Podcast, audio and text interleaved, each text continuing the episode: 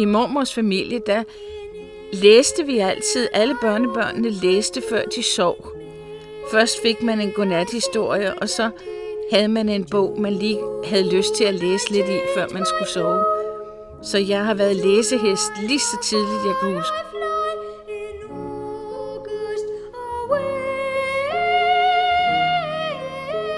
Du lytter til Min Dickens, en podcastserie på seks afsnit, produceret i samarbejde mellem Biblioteket Frederiksberg og Dickens-selskabet.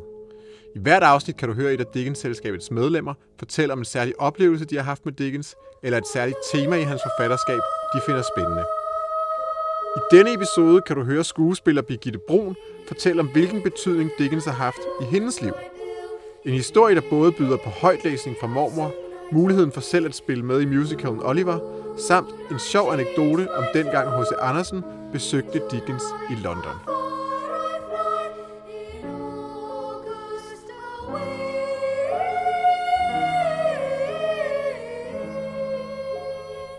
Ja, jeg vil jo gerne dele, hvorfor jeg er øh, så stor Dickens læser øh, og har været det hele mit liv. Jeg var ikke ret gammel, jeg var måske en 8-9 år. Der begyndte min mormor, min elskede mormor, vi læste altid højt hos mormor, og så læste hun Dickens op for mig.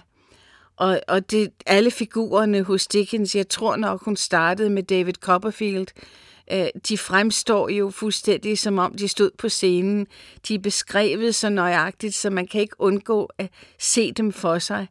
Så jeg er vokset op med allerede fra 8-9-10 års alderen med at høre David Copperfield, og øh, Dickens skriver jo i små, korte kapitler, så de er ideelle som aften godnatlæsning, inden man skal sove. Men højtlæsning var for mig og for mormors børnebørn noget af det bedste. For mormor var en vanvittig god oplæser. Hun, hun spillede det rigtigt, og hun, vi sad tæt på hende og så på billeder. Og i de gamle Dickens bøger, der var der jo de mest vidunderlige illustrationer –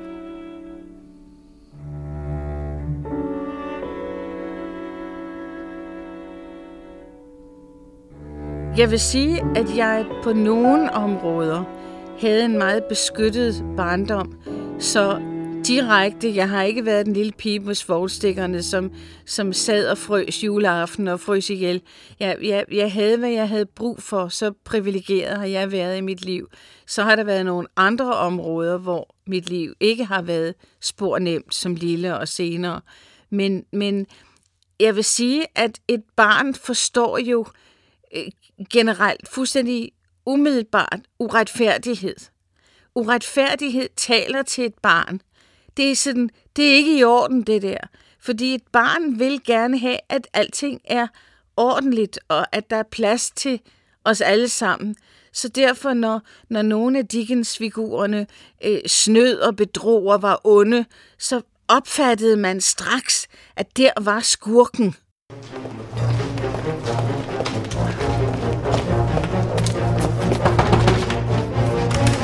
Mr. Limpkins. I beg your pardon, sir. Oliver Twist has asked for more. For more? Compose yourself, Mr. Bumble, and answer me distinctly.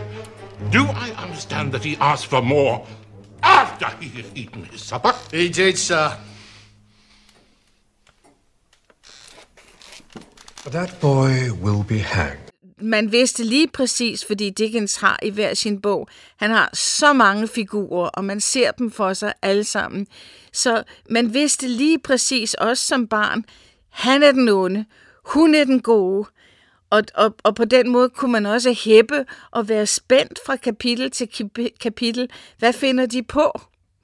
Og nogle gange viser det sig, at en figur hos Dickens virker som om, de er onde, og så viser det sig, at de er nu ikke så onde alligevel, de er faktisk ret fine.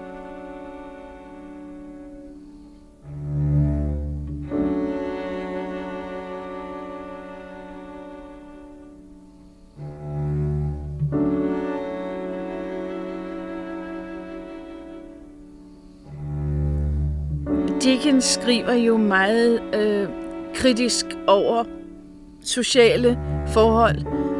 fattigdom, lidelse, frygtelig behandling, og der er ingen tvivl om, at i hans årgange, der har der været i London og i Europa, der har været en fattigdom uden grænser simpelthen. Og børn har været brugt til øh, gratis eller billig arbejdskraft, og øh, ja, selv i, i Oliver Twist, hvor de har en bedemand, hvor en lille dreng, som dårlig nok får mad, han skal gå i, i sort hat foran øh, øh, kisten, når der er død, når der er en dreng, et barn, der er død i, i kiste. Øh, altså, det, det, børn bliver udnyttet på det groveste. Og jeg vil sige, at som barn, der opfattede jeg mest, hvor frygteligt det var, hvor sørgeligt det var, hvor farligt det var. Men hvis jeg læser Dickens i dag, så ser jeg træk til, hvad der er tilbage af, af social uretfærdighed, af børnemishandling, af børneudnyttelse. Han, han har været en mand med et kolossalt hjerte og en dyb indignation over ja, det, det der med uretfærdighed. Og, og det synes jeg, jeg op, det opfatter jeg som voksen i dag. Jeg opfattede det knap så meget som, som barn. Der tog jeg historien og den gode og de gode og de onde figurer. Altså skurken, som man havde lyst til at råbe bue af i virkeligheden. Men i dag, der, der læser jeg det med, med, med, med, med de voksne øjne, med hvor har de lidt, hvor har det været koldt og klamt og fattigt, og hvor har børnene været sultne.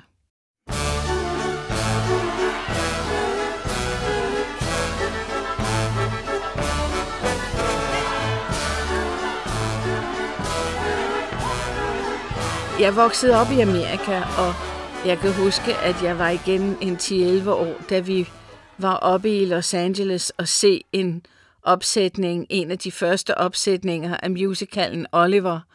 Og jeg sparede sammen til gramofonpladen og lærte alle sangene udenad. Øh, det må jeg kunnet hele livet.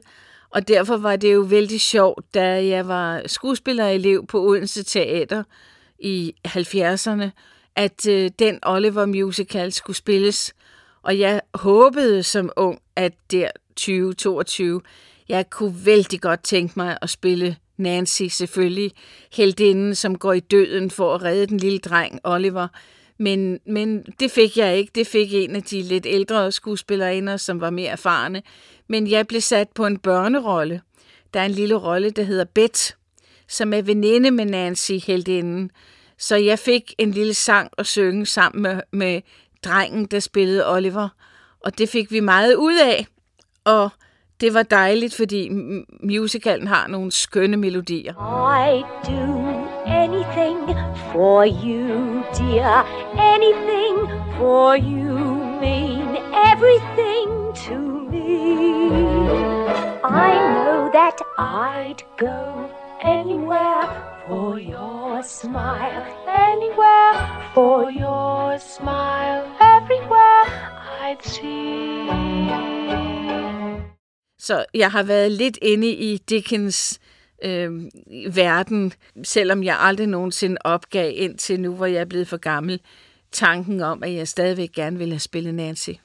I feel inside the love I have to hide, the hell I've got my pride as long as he needs me.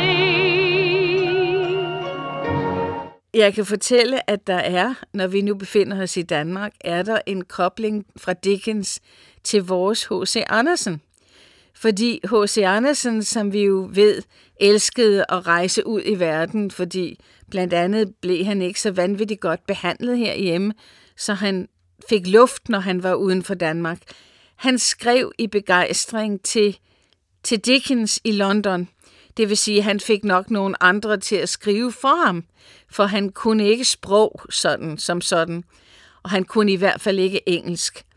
Men Dickens fik disse, disse breve på engelsk, og, og troede, at denne forfatter, som han jo anerkendte som værende en betydningsfuld forfatter, at han, øh, at han kunne engelsk, og de skrev lidt frem og tilbage, og til sidst så inviterede Dickens H.C. Andersen til at komme og besøge ham, hvis han kom til London. Og det skulle H.C. Andersen ikke høre to gange.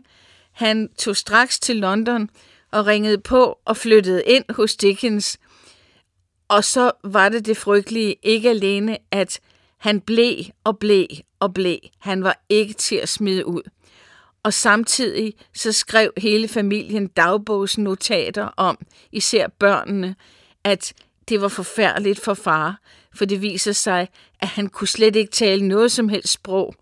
Og børnene siger, at det lyder ikke som om det er tysk. Vi tror ikke engang, han kan tale dansk, og engelsk er det i hvert fald ikke. Så hvis I forestiller jer, at, at Dickens der med sine mange børn og sin kone har denne mærkelige mand boende, som bliver i ugevis, og som faktisk ikke kan udtrykke sig. De var ved at blive sindssyge af ham simpelthen. De, og han blev, han, han sagde ikke, nu har jeg været her, tusind tak, jeg rejser igen. Og da han endelig rejste efter rigtig mange uger, så skrev Dickens på, på dørkarmen, i dette værelse boede H.C. Andersen i seks eller otte uger, og, og det var en endeløs tid, og han må aldrig komme tilbage, og Mrs. Dickens udtalte, hvis den mand nogensinde viser sig igen, så vil jeg skilles.